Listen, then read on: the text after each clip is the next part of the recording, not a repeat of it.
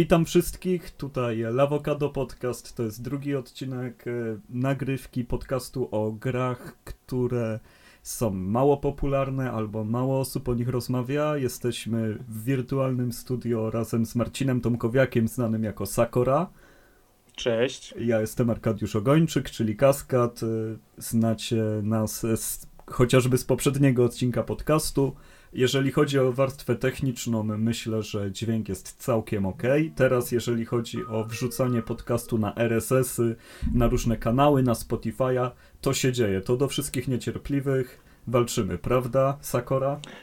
Ogarniamy to dosyć dobrze. Myślę, mamy porządnego RSS-a na SoundCloudzie, który został już zweryfikowany i sprawdzony, że działa. Jest podpięty już wstępnie na Spotify'u. Y, iTunes czeka w tej chwili na weryfikację. Podpinamy się gdzieś w takich różnych konglomeratach podcastowych, żeby nas było widać e, w większej ilości miejsc i pracujemy nad tym, żebyśmy byli wszędzie. Dokładnie. Na ten moment wybieramy SoundClouda za, jako najwygodniejsze narzędzie dla nas, najpewniejsze, najlepsze. Tam na pewno zawsze wszystko będzie działać, a co do reszty mamy nadzieję, że, że też będzie działać. Na SoundCloudzie też odpalimy opcję z możliwością ściągania plików e, MP3 do siebie, e, gdyż wiadomo, stara szkoła jest zawsze obecna. I to będzie główne miejsce też do kontaktu, myślę, z nami, uwag, informacji, oczywiście poza główną stroną, ale tam będziemy po prostu obecni jako to pierwsze źródło podcastu. Jasne. Dobra, czyli teraz y, sprawy techniczne schodzą na bok. Tytuł odcinka to są perełki ery PlayStation 2, czyli trochę kontynuujemy temat y, z pierwszego epizodu, w którym opisywaliśmy w ogóle początek życia PS2. A teraz przechodzimy do gier, które są takimi perełkami, ale zakopanymi trochę pod warstwą kurzu, błota, nostalgii, czy też po prostu wielkich hitów, e, które w tamtym okresie po prostu wysypywały tak bardzo jak teraz gry indie. Przynajmniej tak, ja mam ale... taką optykę. Myślę, że przede wszystkim to gry, które czasami były no, dla nas ważne, które czasami no, pojawiają się też w różnych podsumowaniach jako coś fajnego, ale mało znanego, y, albo też odkrywczego, ale w ogóle y, nie wiadomo dlaczego nikt tego nie pociągnął dalej. Y, dlatego też no, wybór gier no, musi być traktowany z taką pewną dozą zaufania i rezerwy, ale zapewniam, że gry, które ja przygotowałem, no, na pewno e, dostarczą dobrą zabawę lub dobry strach. Zależy, kto na to patrzy. E, moje gry przy twoich będą nawet nieco mainstreamowe, więc, więc tutaj myślę, że fajnie się uzupełnimy. E, w każdym razie, no nie mówimy tutaj o oczywistościach w tym odcinku, takich jak e, nie będziemy wymieniać tutaj, że warto zagrać w Ratchet Clank, albo w Onimusze, albo w Burnouta, czy, czy też, nie wiem... Metal Gear. No, no, no już takich rzeczy to już w ogóle, czy też... E, to już God of War. Dokładnie. Te rzeczy omijamy, je macie dostępne wszędzie, walają się nawet po Allegro. Ogólnie kupienie do... Są oczywiste. Kupienie dobrej gry na PlayStation 2 nie jest trudne, ale odnalezienie tych, o których mało osób mówi, czy też przypomnienie o nich jest, jest czasem problemem. Tym bardziej, że opinie o nich są dużo bardziej stonowane niż w przypadku hitów, wokół których narasta hype. To jest dokładnie ten sam e, mechanizm, który działa w tym momencie. Tak, ale muszę przyznać, że jedna z moich gier jest y, bardzo hypowana właśnie, y, tak niszowo oczywiście. Y, I nie wiem skąd się to bierze, bo jest sporo takich tytułów, które w tej chwili na PS2 są praktycznie nieosiągalne, urosły do na jakieś wręcz czasami chorej legendy, a ktoś, kto do nich podchodzi po dłuższym czasie, no, musi zweryfikować dosyć, dosyć, dosyć tą opinię, gdyż no, e, kuleje na przykład grafika, kuleje e, sterowanie albo któryś z elementów, a co spowodowało, że ta czy inna gra urosła do takiego miana? Nie wiem. Ale no, rzućmy dwa, rzućmy tytułem na przykład e, Rule of the Rose, tak? I kto jest w stanie powiedzieć coś o tej grze więcej niż to, co mówili mu koledzy lub pokazywali? No nie, niewiele osób, chociaż to jest Dokładnie. też jedna z takich y, horrorowych perełek, jeżeli chodzi o PlayStation 2. To jest chyba po prostu takim gut tierem, takim najwyższym poziomem były Silent Hill, potem taki no, normalny, bardzo dobry poziom to były gry w stylu Siren, e, a potem właśnie niżej były właśnie tego typu bardziej eksperymentalne, może bardziej artystyczne wygrzewy. Ale patrząc w tą stronę, to można też potoczyć Clock Tower, które dosyć dobrze się przy nim bawiłem, ale jeżeli chodzi o Rule of the Rose, tak, to niech ktoś spróbuje naprawdę, jak tam jest w tej chwili ogarnięte sterowanie i jaka jest responsywność tej gry. Koszmar. Koszmar.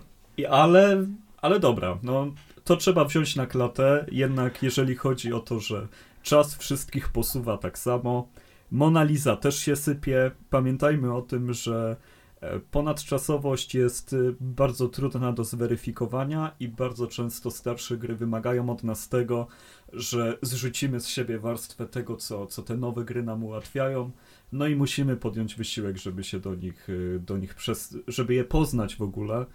I to, to nie jest łatwe, to nie jest przyjemne. W zasadzie no, nie gramy w gry po to, żeby się męczyć, ale są tytuły, w których warto. I, I zaczynamy o takich rozmawiać teraz na dobre. Ja przygotowałem trzy takie gry, Sakora też przygotował trzy tego typu tytuły i będziemy mówić o nich na zmianę. W losowaniu przed nagraniem wyszło na to, że, że zaczynam ja. A, chcia, tak. a, chciałem wam opowiedzieć... Przywileje świeżaka. Chciałem wam opowiedzieć o Way of the Samurai.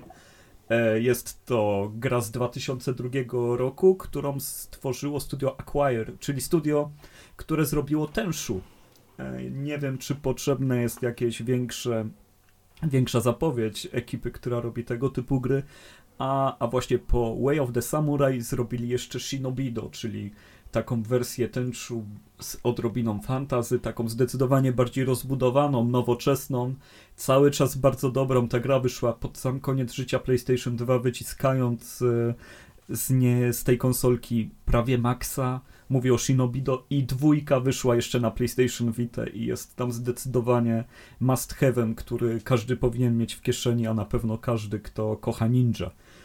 Ale Way of the Samurai. E, czy słyszałeś o tej grze, Marcin? Ej, tak, ostatnio patrzyłem na screeny z czwartej części i zastanawiałem się, czy naprawdę takie rzeczy tam się dzieją.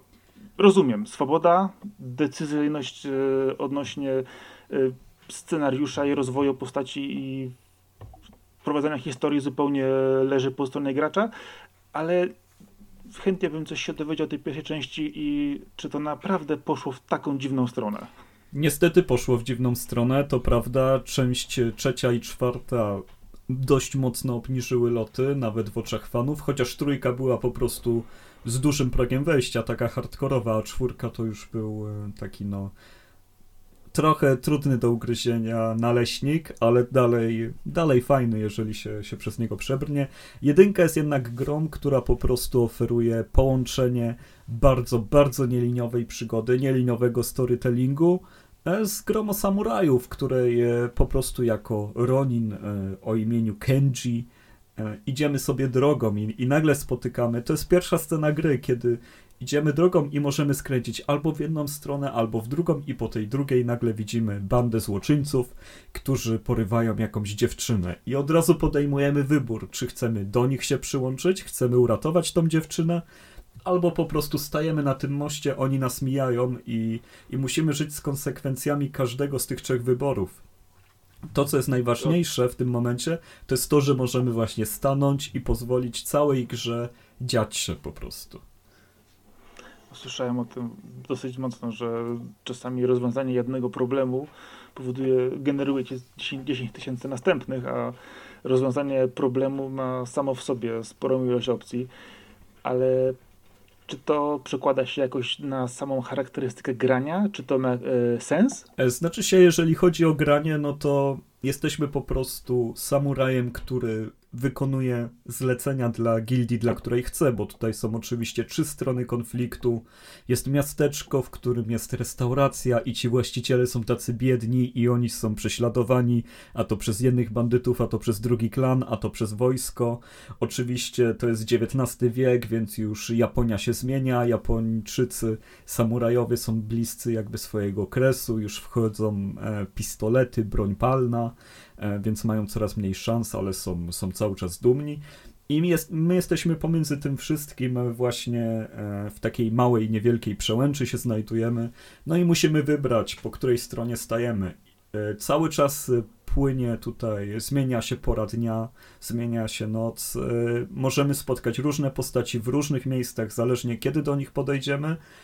I cały czas mamy jakieś wybory do wykonania, łącznie z tym, że już wyborem jest to, że wyciągniemy miecz, że chwycimy za, za miecz, wyciągniemy go, jesteśmy gotowi do walki. W ten sposób możemy e, dać już do zrozumienia, że, że jesteśmy tutaj w stanie walczyć z każdym. Tak samo możemy bardzo ważne dla fabuły postaci dosłownie wszystkie zajść od tyłu, dźgnąć w plecy i, i rozpocząć walkę, mimo iż minutę temu mówiliśmy, jak bardzo jesteśmy ich sprzymierzeńcami. Wszystko możemy zrobić. A cel gry, taki główny plot? Główny plot, no właśnie to jest to ujęcie tych zmian w Japonii, tego jak się zmienia okolica od tego, że wojsko i, i shogunat i, i te zmiany obyczajów przechodzą na stronę zachodnią, i ogólnie my jako gracze mamy po prostu to obserwować z takiej perspektywy, z jakiej chcemy. Możemy wesprzeć każdą z frakcji, ale samym celem zabawy jest to, żeby obejrzeć te wszystkie wydarzenia, obejrzeć każde zakończenie, bo sama rozgrywka jest zaprojektowana tak naprawdę w taki sposób, że możemy spokojnie jeden run gry około dwie godziny do, do trzech nawet skończyć już grę i zaraz zaczynamy jeszcze raz, ponieważ mamy zupełnie nowe możliwości, wiemy więcej, możemy pójść w różne miejsca. E, w tą grę się, się gra w ten sposób, że ruszamy w nią kilka razy bez problemu, podejmując zupełnie różne decyzje i cały czas to bawi. To jest świetny taki gameplay loop. Tym bardziej, że jest to wspomagane bardzo dobrym systemem walki. Czyli game plus, plus, plus, plus, plus, plus, plus. Tak, i co ciekawe, właśnie ci najpotężniejsi wojownicy, z którymi się mierzymy, tacy bossowie, e, każdy zostawia miecz w tej grze. Jeżeli podniesiemy ich miecz, to walczymy ich stylem walki.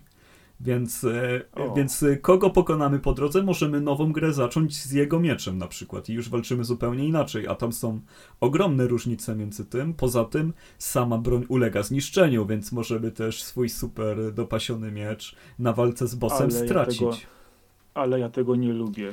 Niszczenie broni to jest samo zło dla mnie, denerwujące. Patrz Zelda, tak? Okej, okay, to ja ci powiem lepiej. Nie musisz jej niszczyć, ponieważ każdy cios zapeł zapełnia e, do pewnego momentu stopień zniszczenia broni, ale kiedy przez chwilę nie zadajesz ciosów, to ten pasek się zeruje. Czyli po prostu, jeżeli maszujesz, jeżeli jesteś w mocnej ofensywie, mhm.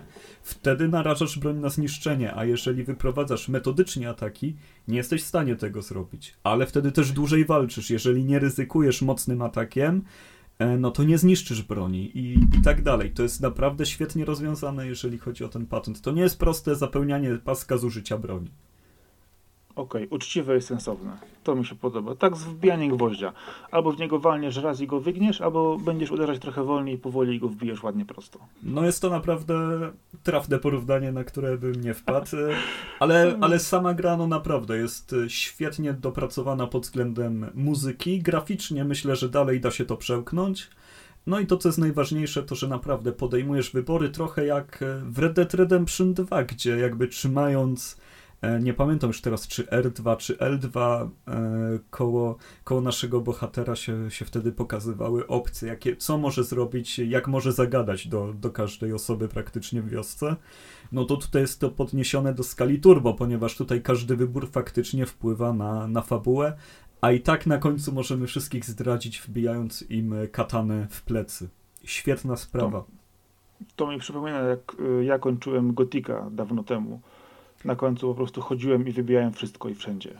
Do tego się dziwili, ale w jaki sposób ty chcesz grać w dwójkę, jak tam u ciebie nie ma postaci? No. Logiczny problem. No, no tutaj nie ma. Dokładnie, dokładnie. E, nie, nie ma co się z tym kłócić. Jeszcze w kwestii jakby dopełnienia tej, tej całej informacji o Way of the Samurai e, powiem, że niestety gra nie jest dostępna w tym momencie w żaden inny sposób, jak tylko trzeba ją kupić na PlayStation 2 zdobyć i, i odpalić. Jest to oczywiście, są kolejne części, które już łatwiej kupić, powinny być nawet na PlayStation Network, ale niestety one już się tak rozrosły i stały się tak przekombinowane w pewnym momencie, że, że myślę, że nie będą dobre dla kogoś, kto, kto nie poznał tej jedynki, która była naprawdę leciutka, łatwa do wejścia, świetnie się tłumaczyła i miała świetny setting. Wyszła na PSP nawet w Japonii. Bardzo żałuję, że, że nie ma wersji przenośnej na, na zachodzie. Na pewno trzecia i czwarta część została sportowana też na PC, bo to. Tak, na, na PC jest faktycznie. Też. No a to kwestia, myślę, e, oby, luknięcia po prostu, gdzie to jest dostępne. No, w przeciwieństwie do tej gry, to, to co ja chcę omówić, jest e, absolutnie niedostępne. W żaden sposób. E, I to i, a dziwi mnie w ogóle fenomen, fenomen tej gry. Dlaczego to jest takie drogie? Co? Michigan, Report from Hell. Gra, która no, jest przygodówką, no, trochę nietypowym survival horrorem. Yy, wyprodukowało je Grasshopper Manufacture. No i to jest chyba kwestia, czemu jest takie drogie nazwisko reżysera. Yy, jeszcze jedno. No oczywiście paluchy w tym maczał Suda. Dokładnie tak. tak no. Wszystko, co jest... robił Suda jest trudne do dostania, no i drogie. Ja tego, ja tego nie rozumiem. Ja tę grę kupiłem za grosze, bo po prostu mnie zaciekawiła. Nietypowa w pewnym sensie, ale dlaczego to tak poszło, nie wiem. W każdym bądź razie, oczywiście bez bądź, y, to wcielamy się tam w reportera, który chodzi z kamerą za nie wiem, pogodynką, redaktorką, reporterką, cokolwiek tam możemy wpisać. Jest to początkujący, prawda, kamerzysta. Y, tak, tam ja dobrze pamiętam w pierwszej sekwencji ginie jego kolega, bodajże przejmuje kamerę. Y, nie pamiętam teraz dokładnie, bo po, ostatnio jak odpaliłem grę w celem przypomnienia, po prostu pominąłem intro, poszedłem dalej tylko jeżeli chodzi o gameplay. Ale chodzi o to, że po, y, całość akcji dzieje się w Chicago. Gdzieś tam pojawia się jakaś taka gęsta mgła, dzieją się, zaczynają jakieś dziwnie nienaturalne rzeczy. Czyli taki typowy początek no, na wszelkie survival horror, horror na PS2 i zaczyna się jakaś ewakuacja, pojawia się ekipa telewizyjna, która ma właśnie znaleźć tam ciekawy materiał. I my, chodząc z tą kamerą, musimy ogarnąć ten, to całe miejsce. E, to jest typowe rozwiązanie, które idzie i w fabułę, i w mechanikę, co ważne w tej grze, i to jest, to jest ciekawe, gdyż my. Czy w tej grze możesz umrzeć? Zginąć? Ciężko. Cię, znaczy, tobie jest ciężko zginąć. E, e, raczej e, twoje reporterki będą po prostu, wiesz, padać jak po prostu kawki jedna po drugiej. Świetnie. Tu dostar dostarczą ci nową, ale to już nie jest ta zabawa, tak? I chodzi o to, że podczas tej rozgrywki, nie wiem, tobie może stać się krzywda, nie wiem, ledwie parę razy. Co, co ważne, jest chyba tylko jedna scena, gdzie możesz siebie w ogóle zobaczyć, jak wyglądasz. A całą ale... resztę widzimy jako obraz z telewizji, tak jakby, tak? Z kamery. Tak, filmujemy, szukamy materiałów yy, i tutaj różnie może, możemy filmować naszą reporterkę, która właśnie komentuje zdarzenie. Yy, możemy filmować to, co się dzieje obok. Możemy też yy, czasami próbować podjąć jakąś działanie, akcję, ale krótko zostaniemy nawet czasami objechani. Bierz tą kamerę, filmuj dalej, tak? To nie od tego tu jesteś. Ale zależy od tego, jak filmujemy, Mm, wpływa to na sposób rozwoju gry, gdyż możemy ogólnie mówiąc, e, filmować naszą e, koleżankę w sposób no, niedwuznaczny, co od razu już też yy, spowoduje, że gra po prostu zyskuje trochę rumieńców. No klasyk, to jest w końcu japońska produkcja. Więc... Tak, no masz kamerę, koleżankę, no sorry, tak? Yy, możemy też pójść w, w tą stronę, aby po prostu no, filmować wszystkie zdarzenia, Y, które się dzieją tam i w taki sposób, żeby po prostu czasami nawet być wręcz nieczułym. Interesujemy tylko materiał, nie interesujemy co się dzieje, nikomu nic nie pomogę i nie zrobię. Ale w mechanice jest też taka, e, taka rzecz, że my, naszą reakcją, ruchami kamery czy jakimś tam komentarzem, e, musimy czasami naszą reporterkę na przykład uratować takim zombie, pająkiem, nie wiem, walącą się ścianą. Czyli nie jesteśmy tak do końca bierni, y, ale z czasem dosyć się przywiązujemy do tej osóbki i chcemy, żeby no jak ona jak najdłużej jednak była y, przy życiu. I to jest takim elementem, który naprawdę czasami frapującym, kiedy widzisz, że po prostu wyskakuje już kolejny pająk w tym ciemnym tunelu, ty po prostu jesteś już zmęczony odganianiem tego cholerstwa. No i ile? Ile można tego zrobić? No, czasami boli. Czasami boli to, yy, ale dzięki temu gra jest zupełnie, zupełnie nieliniowa. I to, co my zrobimy po drodze, wpłynie na to, jak się historia skończy. Ogólnie największą wartością tej gry jest y, nowe spojrzenie na gatunek, czy, czy klimat? Co, co byś wyróżnił jako y, najważniejsze? Y, mechanika, mechanika sama w sobie jest inna. Właśnie takiego trochę y, po części biernego chodzenia, nie strzelania, nie, nie, nie szukania łączenia przedmiotów, tylko raczej obserwowania opowieści, reagowania na jakieś elementy z, obok. Ale sam klimat tego, tej mgły, tego takie proste zagadki, zagadki też się pojawiają, tak? Ale mamy zombiaki, mamy, w, mamy sporo obszarów, które musimy zbadać. I tutaj klimat jednak, jednak mocno, mocno po prostu bije w to i to jest taka, takie, ta, taka podstawowa.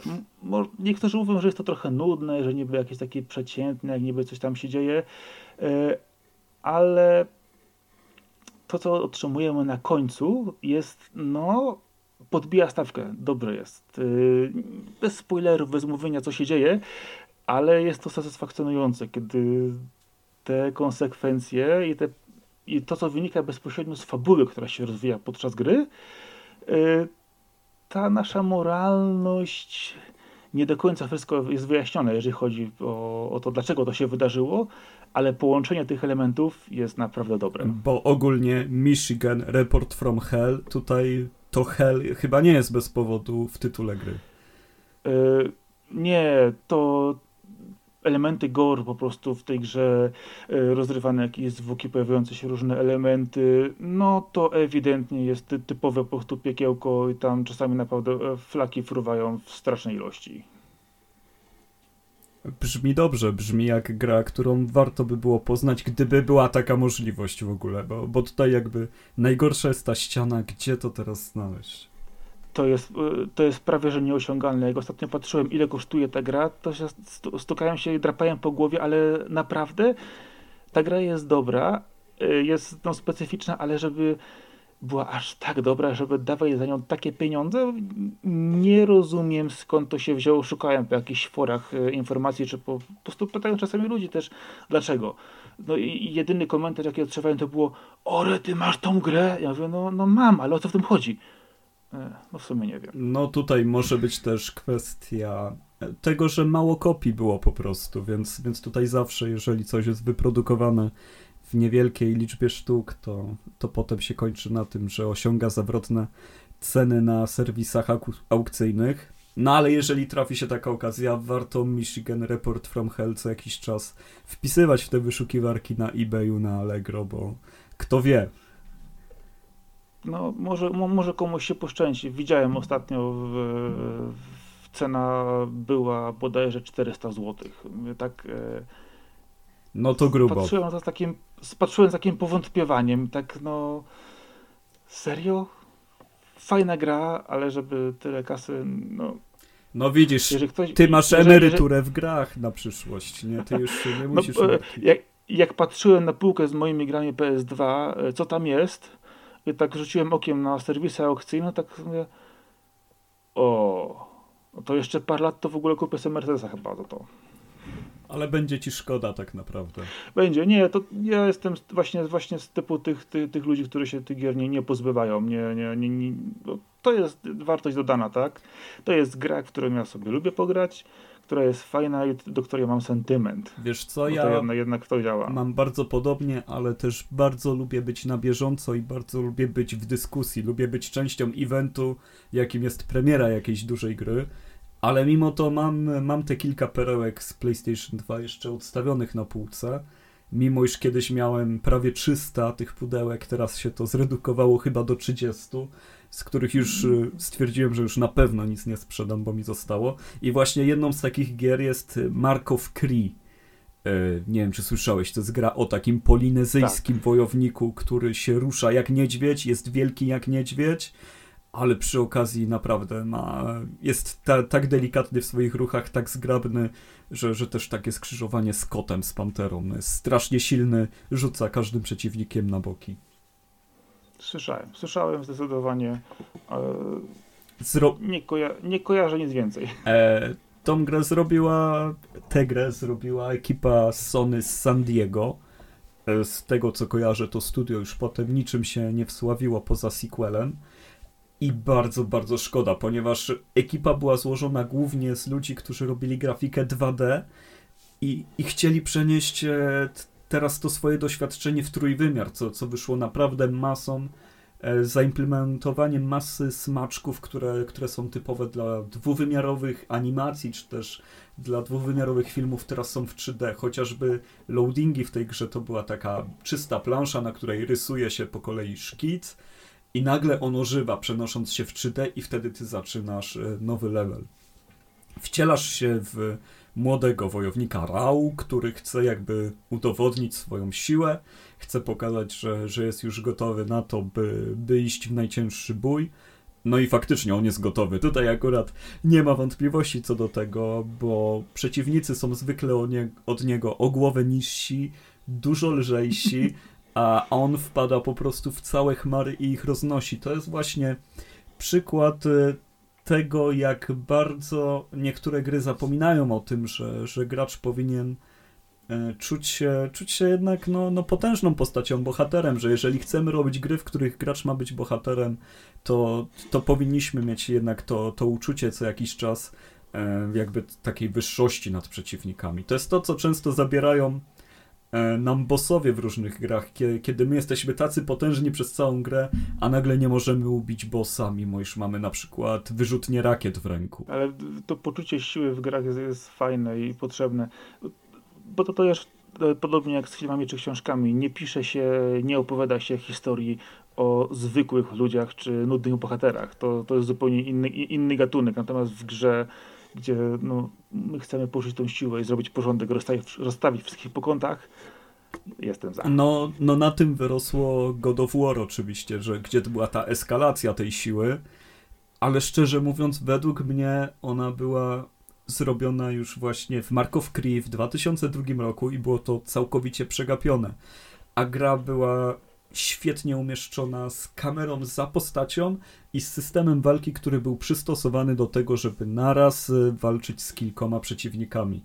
Odbywało się to w ten sposób, że wysuwając prawą gałkę analogową w którymś kierunku, pokazywał nam się promień. Jeżeli ten promień najechał na przeciwnika, nad jego głową pokazywał się znak y, z pada od PlayStation 2, czyli no, na przykład X, kwadrat, trójkąt i do tego przycisku jest przypisany atak tego przeciwnika, czyli kiedy oznaczymy wszystkich e, na sali, na sali czy też na, na arenie, no, no to wtedy możemy między nimi skakać, wciskając tylko przyciski na padzie, zamiast nakierowując się na nich, lokując. Tutaj była po prostu ostra rzeź, jeżeli chodzi o te przyciski. E, z których się tworzy kombosy. Podczas kombosów e, e, nasz, nasz bohater wykrzykuje jakieś polinezyjs polinezyjskie okrzyki, które oznaczają kolejne kombosy.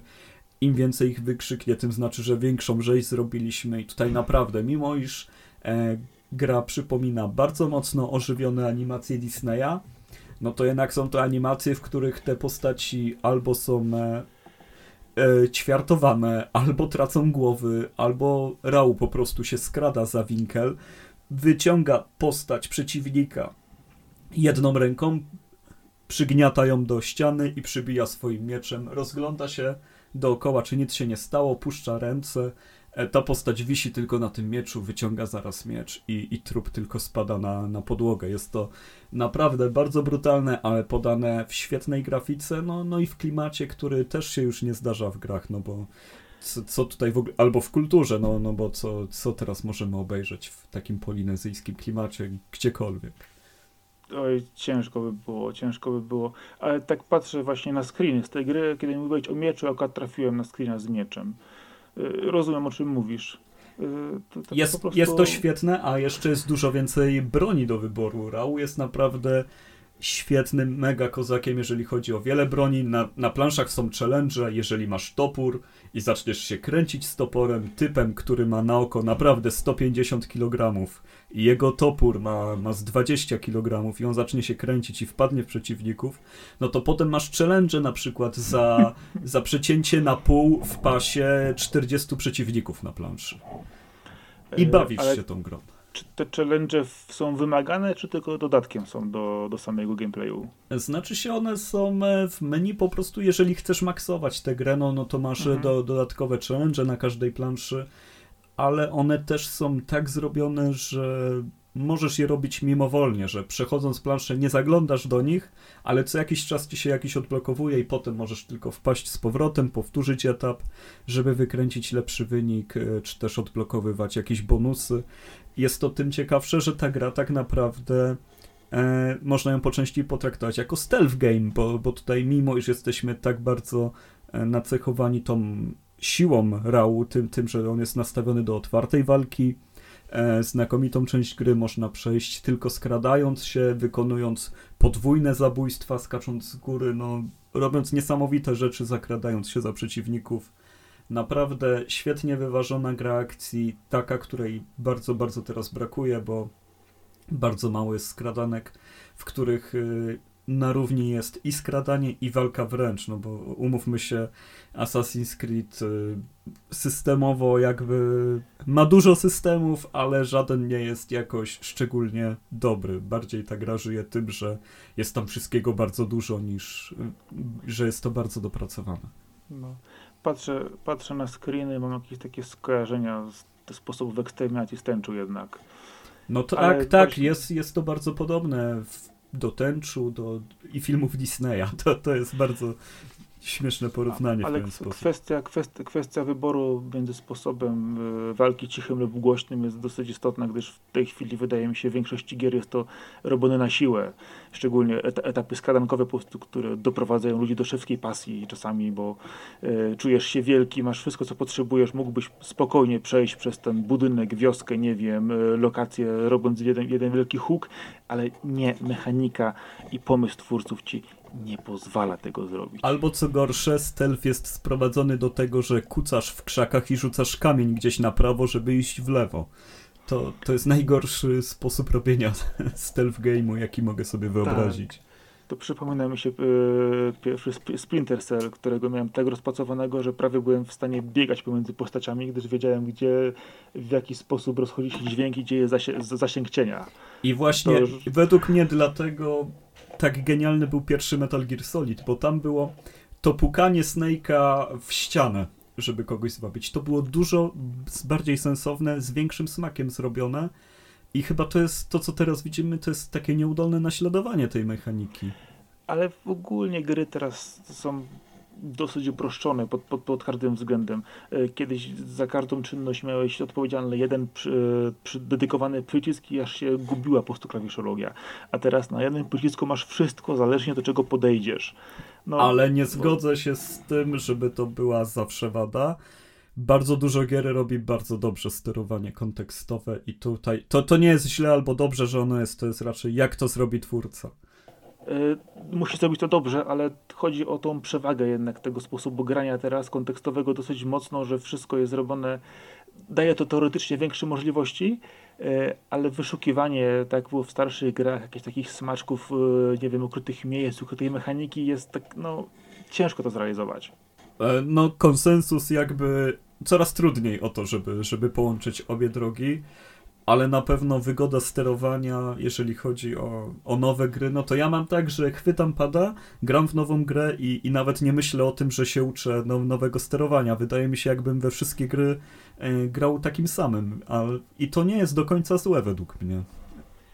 No, łatwiej podejść do nowego tytułu, ale z drugiej strony, w, kiedy kolejna część gry zmienia ci jeden czy dwa elementy z tego wyuczonego sterowania i, i powoduje, że dostajesz na przykład szału, gdyż zwykle Y robił coś innego, a teraz robi coś innego, a odruchy mam opanowane, no nie wiem, czasami mnie to denerwuje. No, no faktycznie, no ja wiem, że ty lubisz tytuły, które mają bardzo pokręcone sterowanie, o czym chyba możesz powiedzieć przy omawianiu Econite Beyond. Yy, mógłbym, ale zostawię sobie to na koniec. Yy, jeżeli chcesz pokręcone sterowanie, to dam ci Steamboat Chronicles. Okej, okay, biorę całe i słucham. Yy, gra action RPG. Fajna. Chciałem powiedzieć jeszcze to, że jest e, zrobiona w cel shadingu, czyli starzeje się zupełnie inaczej. I zrobiło ją studio Iremu. Tak, e, i jest e, pomimo rozdzielczości nadal śliczna. To jest gra, przy której miałem dosyć ambiwalentne odczucia, bo z jednej strony fajnie się ją, fajna jest swoboda w tej grze, a z drugiej strony są tam minigierki rytmiczne, które doprowadzają mnie do szewskiej pasji. Ale od początku. Steamboat Chronicles to e, opowieść w takim lekko steampunkowym świecie, e, gdzie ewolucja pojazdów poszła w inną stronę e, i zamiast pojazdów na kołach mamy coś, co nazywają trot mobile, które są no, parowymi mechami. Idealnie, nie... nie ma lepszego mecha niż mech na parę ale są, są świetne. Te pierwsze, które widzisz, są słodkie, naprawdę i sterowanie jest jak w czołgu. Masz te swoje dwa analogi i każdy analog jest odpowiedzialny za e, jeden kierunek jednej strony nogi. Czyli dajesz dwa do przodu, idziemy do przodu, dajesz dwa do tyłu i idziemy do tyłu. Chcesz skręcić lewo-prawo? No to kręcisz e, jednym analogiem w górę, a drugim w dół. I wyczucie tutaj sterowania jest bardzo fajne.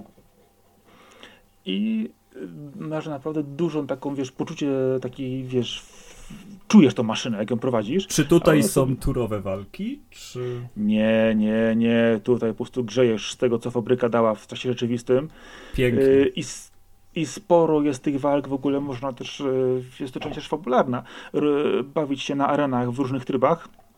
Ale to jest tylko taki mówię, element dodatkowy, gdyż sama w sobie gra jest po prostu olbrzymią, y, wspaniałą piaskownicą bohater jest e, taki, jakim, jakim, jakim go stworzę, że taką y, standardową, pust, y, czystą kartką z amnezją na początku oczywiście. Budzi się na plaży.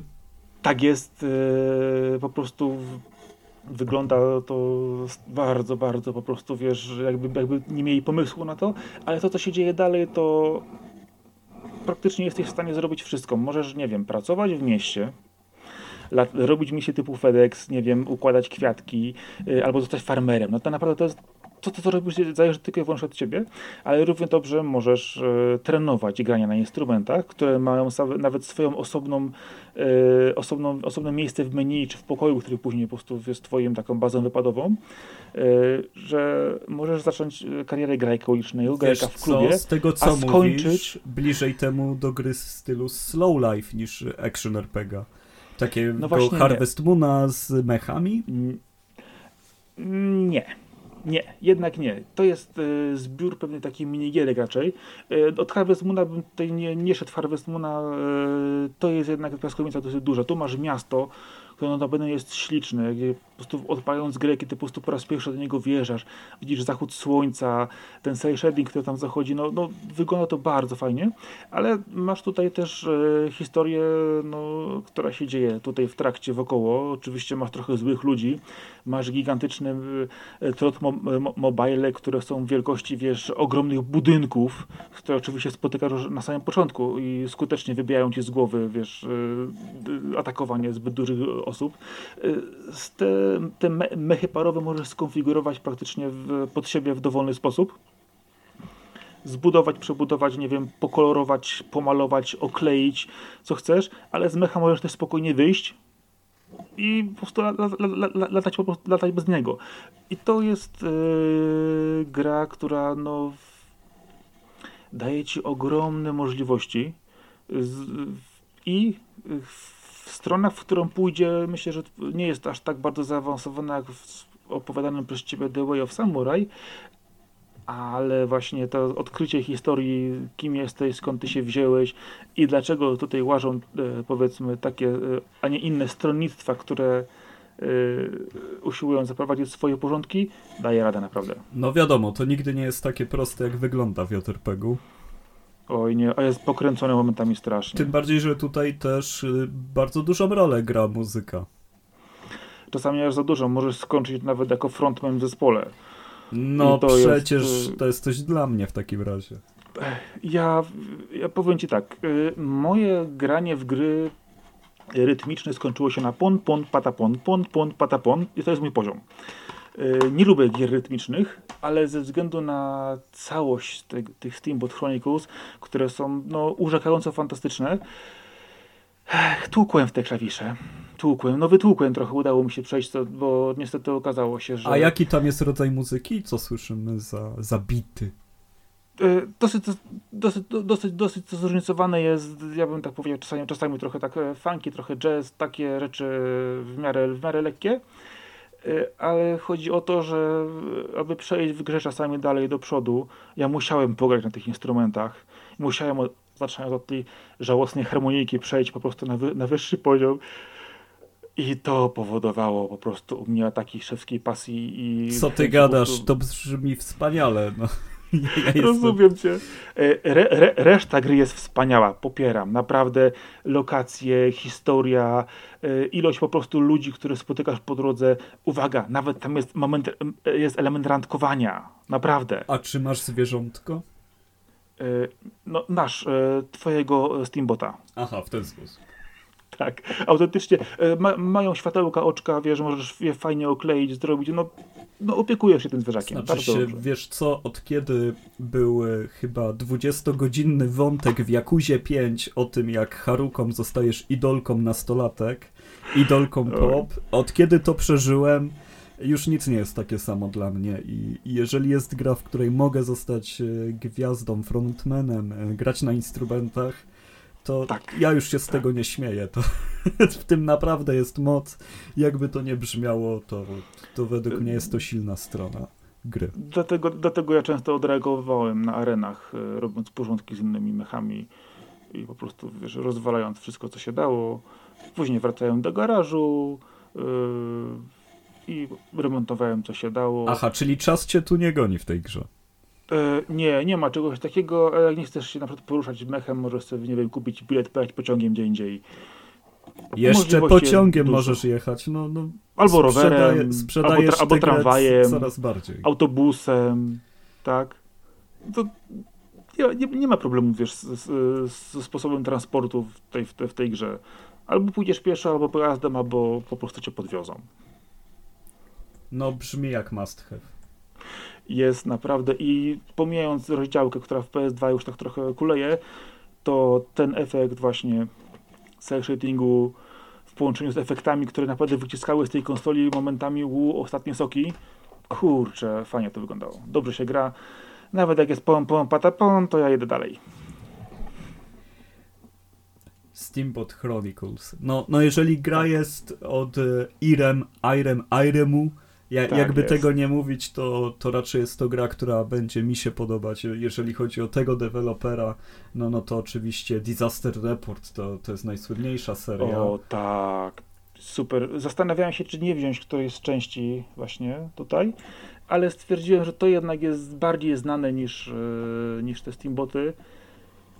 O, bo też mógłbym popłynąć yy, właśnie. W, yy, mam akurat wersję amerykańską, Raw Danger, czyli mamy, walczymy z powodzią, mamy też SOS Final Escape, czyli trzęsienie ziemi, ale to jest też survival horror w zupełnie innym wydaniu, tak? Czyli mówimy o grze, gdzie nie, niekoniecznie walczymy z potworami, tylko walczymy z naturą, która niszczy nasze życie.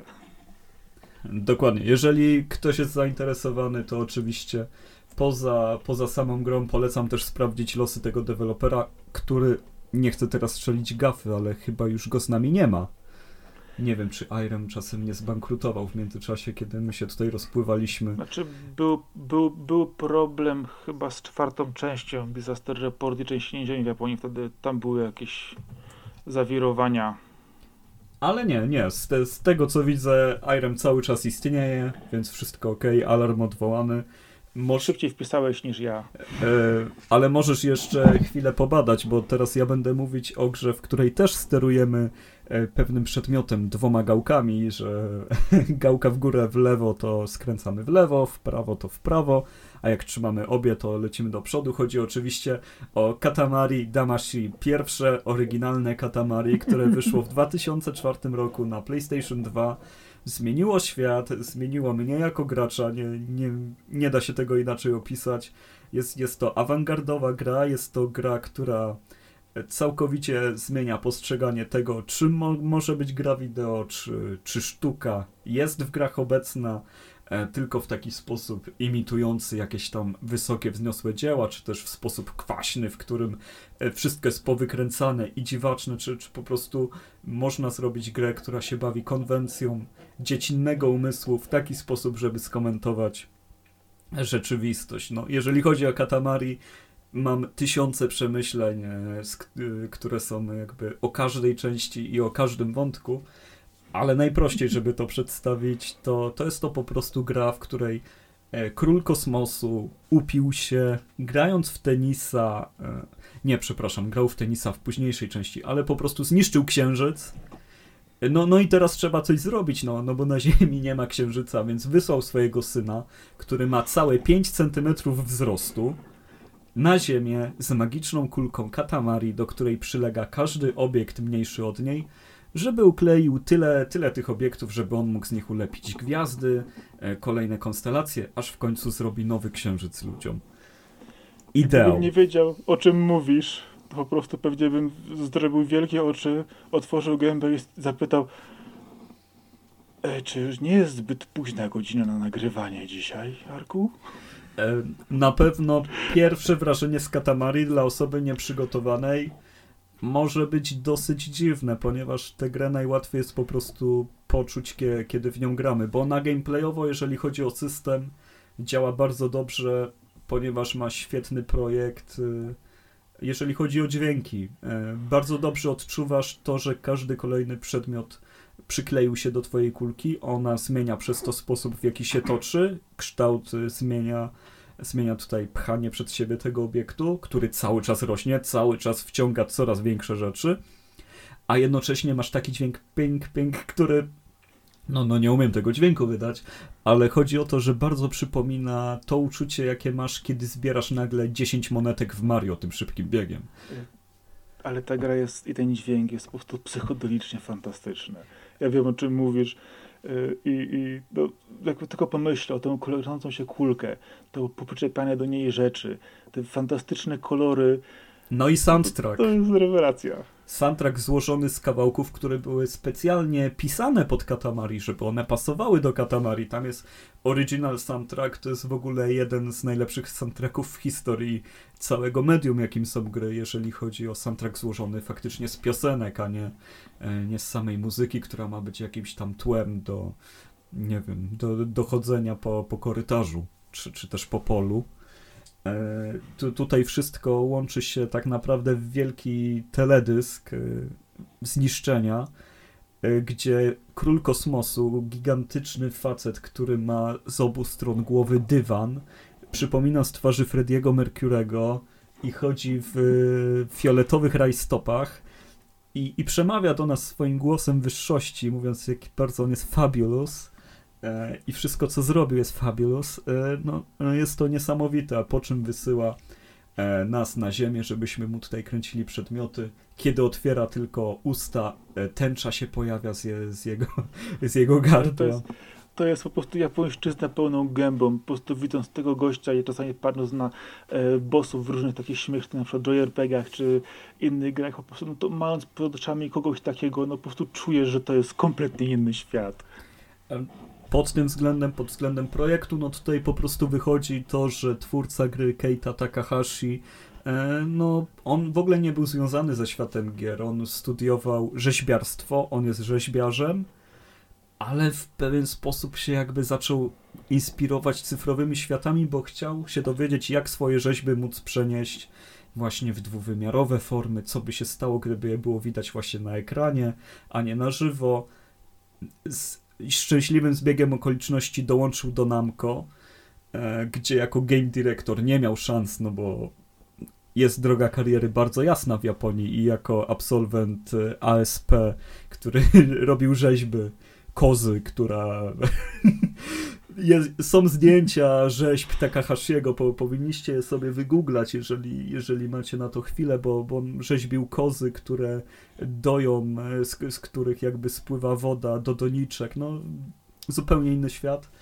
E, ale na szczęście był w takim momencie, kiedy Namco inwestowało w mniejsze produkty, miało dużo stażystów, zaproponował, że zbierze kilku stażystów, dwóch programistów e, normalnych na etat i, i zrobią prototyp. Na szczęście prototyp chwycił, e, gra miała szansę ukazać się na świecie. To były jeszcze czasy przed grami indie, przed dystrybucją cyfrową, więc to był zupełnie inny rodzaj rynku, inny projekt, który musiał wyjść na płycie w pudełku. To e, pokazanie czegoś takiego wtedy to było coś zupełnie innego niż, niż w tym momencie. Na szczęście co jakiś czas pojawia się ktoś, kto odświeży ten nasz trochę czasami zatwardziały rynek gier, a z drugiej strony jest y, ktoś w odpowiedniej firmie, który powie a kurczę, zarobiliśmy tyle na tych y, tytułach, które po prostu wszyscy grają, zróbmy coś innego. No i zrobili.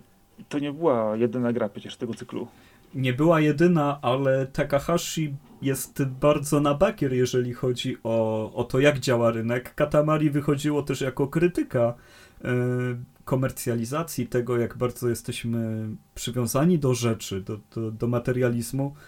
I on nie chciał robić sequeli. On się zgodził na jeszcze jeden sequel, ponieważ e, Katamari Damashi nie wyszło w Europie, więc e, pilnował wydania drugiej części tak, żeby ukazała się już na całym świecie po czym się odsunął od, od tworzenia e, kolejnych części i już nawet w nie nie grał. On je bardzo, bardzo krytykował Namco za to, że, że robiło je dalej bez niego. Osobiście e, zagrałem w każde Katamari, oczywiście skończyłem i posiadam każde Katamari i szczerze mówiąc nie widzę jakoś powodu, dla którego ta seria powinna przestawać się ukazywać, bo nawet jeżeli dostajemy ją po prostu jako zestaw nowych plansz i trochę nowsze mechaniki, no nawet bez tego natchnionego dusz, y, ducha Takahashiego gameplay jest tak dobry, że trudno się oderwać, bo tutaj, e, jak zapewne sam wiesz, no tutaj to nie jest tak tylko, że to jest dziwactwo i, i gra, która bawi tym, jak wygląda i że jest śmieszna, ale w to się po prostu dobrze gra. Tak, a po, pomysły w jaki sposób y, ugryźć, znaczy się zabrać ze sobą coś większego, kiedy mniejsze rzeczy uciekają i nie możemy po prostu w odpowiednim czasie tego zrobić, no potrafi być też niezłym wyzwaniem.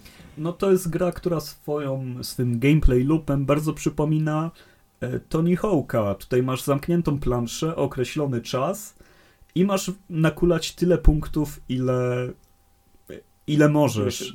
Na, tak. na początku robisz to niezdarnie, bo nie znasz planszy, nie, nie jesteś może tak pewny, tak, tak dobrze nie opanowałeś jeszcze katamari, sterowania katamari, pchania go, a potem już tylko powtarzasz te plansze w kółko, że, żeby bić własne rekordy i słuchać soundtracku. No wszystko jak w Tony Hawk'u. No, tutaj akurat tego, w tego typu grach to jest, jest bardzo, bardzo fajne. A powiem Ci, że klony tej, tej gry grasują nawet na komórkach, na mobilkach, wszędzie. E, wiesz co, z klonami zawsze mam ten problem, że akurat w przypadku Katamari są po prostu nie do zniesienia. Nie? Żaden nie jest w stanie powtórzyć e, tego, co, co dobre w Katamari, przynajmniej żaden z tych, którego miałem okazję spróbować.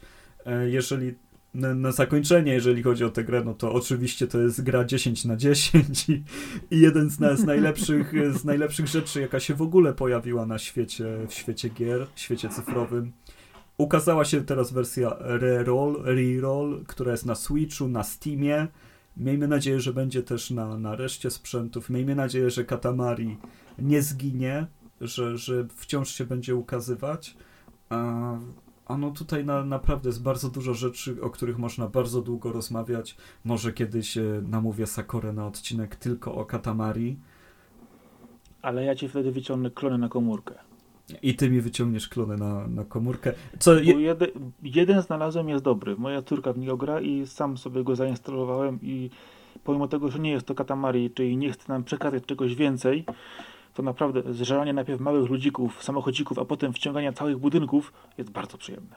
No, to, to jest świetna mechanika, kiedy zaczynasz jako taka mała kulka, zbierając tylko monety, kredki, jakąś linijkę, przechodząc pod brzuchem kota, który co chwilę cię kopie, wkurza i, i ten kot co chwilę ci przeszkadza, aż minutę później wciągasz tego kota i klęcisz się tą kulką i ten kot macha ogonem, miałczy, słychać co chwilę jego piski. To ja ci powiem jeszcze sprawa. inną rzecz. E, w tej grze akurat ona się nazywa Hole.io y, nawet jest opcja y, grania z innymi. Tam akurat są czarne dziury, które wciągają różne rzeczy y, i wyobraź sobie, że masz jeszcze trzech graczy na planszy i możesz się wciągnąć nawzajem. To jest normalnie deathmatch. E, jeżeli chodzi o Katamari multiplayer, oczywiście grałem. To jest jeszcze inna, inny wymiar tej zabawy. Zdanie, tak. Tak. E, na Xboxie 360 e, grało się o cukierki i w lobby chodzili gracze, którzy mogli rzucać cukierkami zarobionymi przez siebie w innych graczy. Czy cokolwiek powiesz o Katamari, po prostu to człowiekowi się po prostu gęba uśmiecha. Czy to na grafikę, czy to, czy to po prostu na, na szaleństwo, które bardzo pozytywne, które jest w nim zawarte, czy właśnie na kolejne rozwiązania, które no, no, to, to jest po prostu przy, szalona przyjemność grania. No i oczywiście piosenki, piosenki z tej gry są tak. niesamowite, więc już naprawdę, żeby uciąć temat, bo on jest bardzo, bardzo głęboki, przejdźmy do trzeciego tytułu, który ty byś chciał dzisiaj zaprezentować. Tak, wywołałeś już wcześniej y, Echo Night Beyond. Y, gra, która pozornie wydaje się być podobna do Michigan, czyli mamy pierwszoosobowy survival horror, ale ten jest kompletnie inny. Sam początek jest już lekko, lekkim odlotem, gdyż dzieje się on w ogóle na Księżycu. No i autorzy są całkiem... From Software. Czyli, Software. czyli studio, które możemy śmiało określić jako apostoła gamingu. No, klękajcie narody, tak? Robimy kolejną grę. Dokładnie tak. E, tak, ale wracając do wcielamy się w e, postać e, Richarda, który leci sobie na ten księżyc ze swoją narzeczoną. Po czym następuje seria dziwnych wydarzeń e, i budzimy się osamotnieni. Gdzieś w rozbitym pojeździe nieznane na miejscu. I okazuje się, że oprócz nas są obecne tam duchy w kosmosie. I pierwsze jest takie, zaraz, ale o co tu właściwie chodzi i co tu się dzieje? I to właśnie ta, ta pewna dziwność na początku jest najlepszym po prostu elementem, który wciąga nas w tę przygodę, gdyż okazuje się, że duchów jest tam dużo więcej. Każdy od nas coś chce, e, zostawia po sobie różne przedmioty, historie, informacje i powoli, powoli kleci nam całą historię tego, co to się właściwie wydarzyło i co ważne, gdzie jest nasza narzeczona. I kwestia jest taka, że przechadzamy się po pustych korytarzach, gdzie słyszymy tętno, no, autentycznie tętno serca naszego bohatera, jego oddech, kroki, jakieś niepokojące zgrzyty, czasami dziwne też inne odgłosy. I tutaj naprawdę czujemy po prostu potęgę takiego takiej niepewności, niekoniecznie strachu, bo nie zawsze daje mi się tu mocno przestraszyć, ale takiego napadu osamotnienia i zagubienia.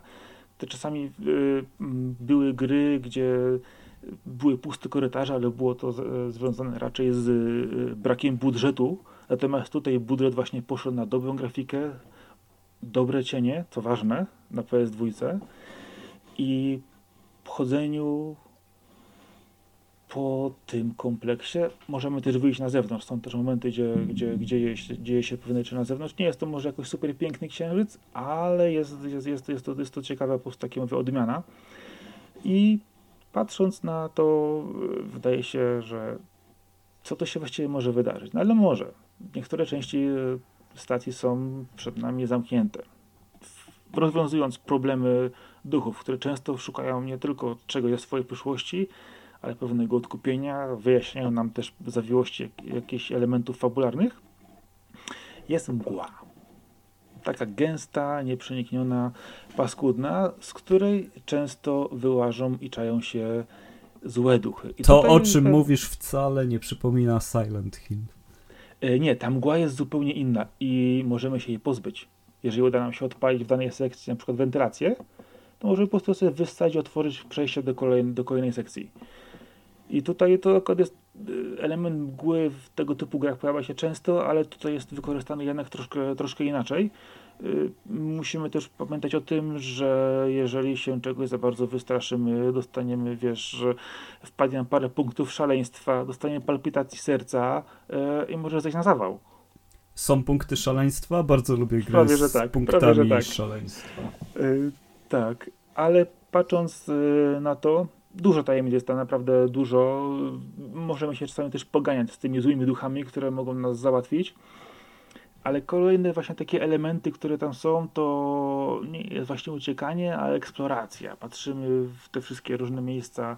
Y, dużo jest lokacji. I laboratoria, jakieś funkcje mieszkalne, jakieś e, magazyny. No dużo, dużo, dużo, duża różnorodność. I wszędzie mamy duchy, które czekają na naszą pomoc i zastanawiamy się od początku, dlaczego tak się stało, dlaczego tutaj praktycznie jesteśmy jedyną żywą osobą.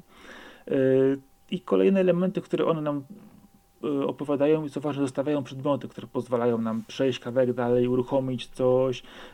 Wygląda to na taką typową przygodówkę, ale to jest realizowane tak, że nie jest to jakieś zbyt trudne, żeby pójść znaleźć coś, ale czasami trzeba się, trzeba się troszkę, troszkę po prostu natrudzić.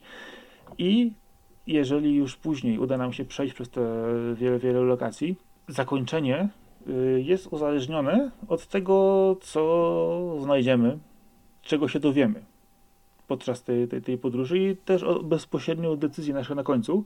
I muszę powiedzieć, że jest to warte, wa, warte zagrania. Nie jest to jakaś super, super duża gra, możemy tam ją sobie skończyć, nie wiem, w 10 godzin, jako na przygodówkę to jest tak powiedzmy ok. Yy, ale to jak się ona zakończy zależy od, od naszych mówię, takich decyzji i tego, co znajdziemy. I to jest fajne, gdyż każde z tych zakończeń yy, pasuje, a opowiada coś absolutnie kompletnie innego. I to też jest pewne takie mistrzostwo w tej grze, że elementy układanki, które mamy po drodze, o których się możemy domyślać, jak je poukładać, na końcu wszystkie wskakują w odpowiednie miejsce, ale w każdym zakończeniu w inne. Czyli jak to się stało, że o takiej grze tak mało się mówi, albo tak mało osób wie w ogóle? nie wiem, wydaje mi się, że to raczej yy, to jest takie, wiesz, fajna, fajna przygoda, takie, wiesz, no, przeżycie, doznanie, coś, co, co, co, co teraz też się mówi właśnie o takie typowe experience game, prawda, które nie, nie są typową grą, ale są właśnie przeżyciem. I ta właśnie gra należy gdzieś do tego gatunku, chociaż jest trochę bardziej na krawędzi, gdzie jednak te mechaniki trochę są bardziej gamingowe, ale tutaj, no, dlaczego nie, nie było to popularne tak z, może też kwestia poprzedniej części gry, która praktycznie e, miała problemy z wyjściem z, wyjścia z Japonii w Europie bo bodajże w ogóle nie było była w Stanach, e, ale kulała strasznie graficznie. Była jeszcze na jest, PlayStation tak, jeszcze była właśnie na poprzedniego, poprzedniej, poprzedniej generacji konsoli na PSX-a nie wiem to jest też gra, którą ja, ja z racji po prostu mojego właśnie wyszukiwania ciekawych innych gier, tytułów Y, trafiłem. Ja, czy ja mam też takiego hopla, jeżeli chodzi o astronautów. Może to też taki y, ten y, moje podejście, bo główny bohater cały, całą grę chodzi w tym kostium, w tym w skafandrze. W skafandrze astronauty. Ja, to, ja, ja, takie motywy bardzo lubię. Czy, w Doktorze Hu, czy w jakikolwiek innym filmie, gdzie pojawia się astronauta. Słyszę takie się zbliża, ok, mój klimat, biorę to w ciemno, tak? Może, może z tego powodu, a z drugiego y, też, że ja uwielbiam przygodówki, uwielbiam gry też z jakimś takim horrorem, opowieścią i tutaj jest to bardzo fajnie opowiedziane. No, no faktycznie, jednak From Software, y, jeżeli kopiemy trochę w historii tej firmy, to, to łatwo znaleźć, że to, że brali udział w wielu, wielu ambitnych projektach, a wypalił im akurat ten, który miał nie wypalić, tak naprawdę. Ale no. Jakby to powiedzieć. No możemy, możemy pójść dalej, no, w Armored Core, tak? No, myślę, że Armored Core ma jakby granicę, której nie jest w stanie przekroczyć pod względem popularności. Że oni już więcej fanów będzie im ciężko zdobyć. Tutaj. I, i, to właśnie, I to właśnie jest ciekawe, dziwne, że mają gry, które po prostu są na topie, tak? Znane przez wszystkich praktycznie w te, w te, w te, na PlayStation i, i gry, o których prawie nikt nie słyszał. No bo, bo akurat, akurat to, co łączy ich gry, to jest wysoki próg wejścia i poziom trudności bardzo często, więc, więc myślę, że to bardziej było przeszkodą. E, no, no, no zwłaszcza przy Armored Core, który jest też no, tak rozbuchanym już symulatorem e, walk szybkich mechów, że no... Ale wiesz co, druga i trzecia część to przyjemnie się to, przyjemnie się w to grało, było w sam raz. No, no na pewno e, dla kogoś, kto już, kto już się przez to przebił i, i lubi w to grać, ja bardzo lubię Armored Core, ale nie, nie wiem, czy, czy jestem w stanie jakoś pokazać komuś, kto do mnie przyjdzie, masz, pograj sobie, proszę, masz tu pada, ja idę zrobić herbatę, bo...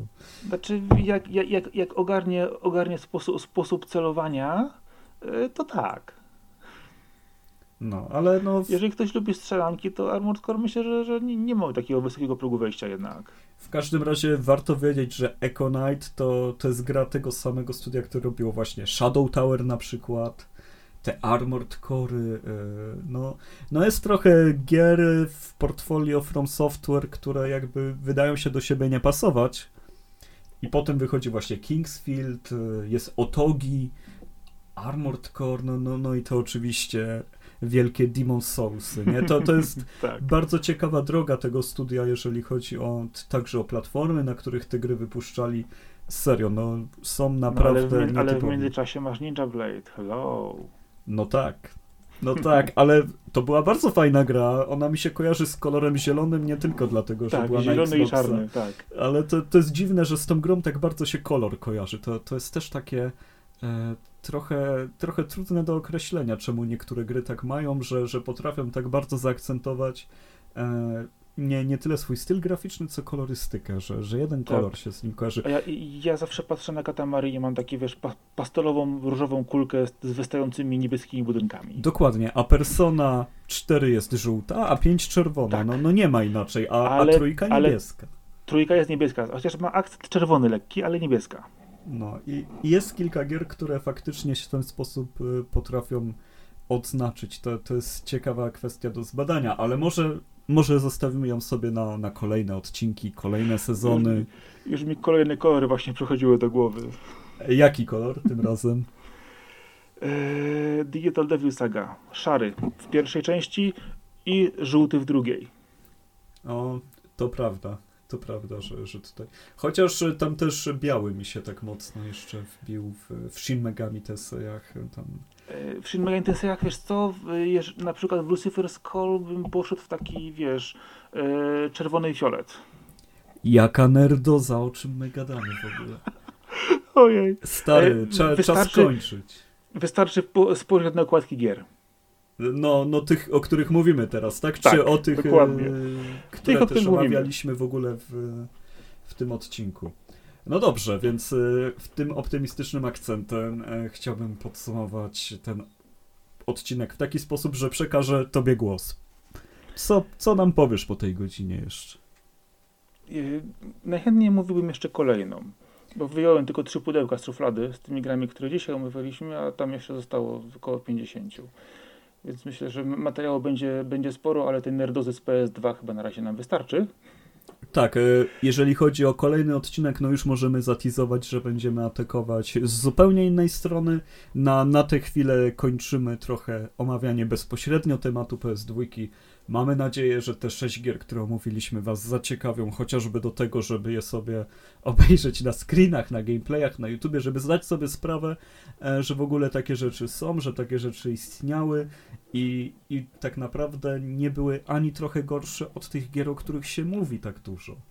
I że też PS2 to nie tylko głośne, szybkie, kolorowe gry, ale rzeczy, które czasami były no, ambitniejsze i trochę inaczej opowiedziane e, że PS2 to jednak nie jest tylko gra dla, nie wiem, piątkowego imprezowania z szybką sesją, nie wiem, y, rozwałki, ale coś, co powoduje, że możesz sobie spokojnie usiąść z lampką wina i naprawdę pokontemplować trochę te tytuły. Oj tak, to, to była era także bardzo, bardzo długich i zawiłych opowieści.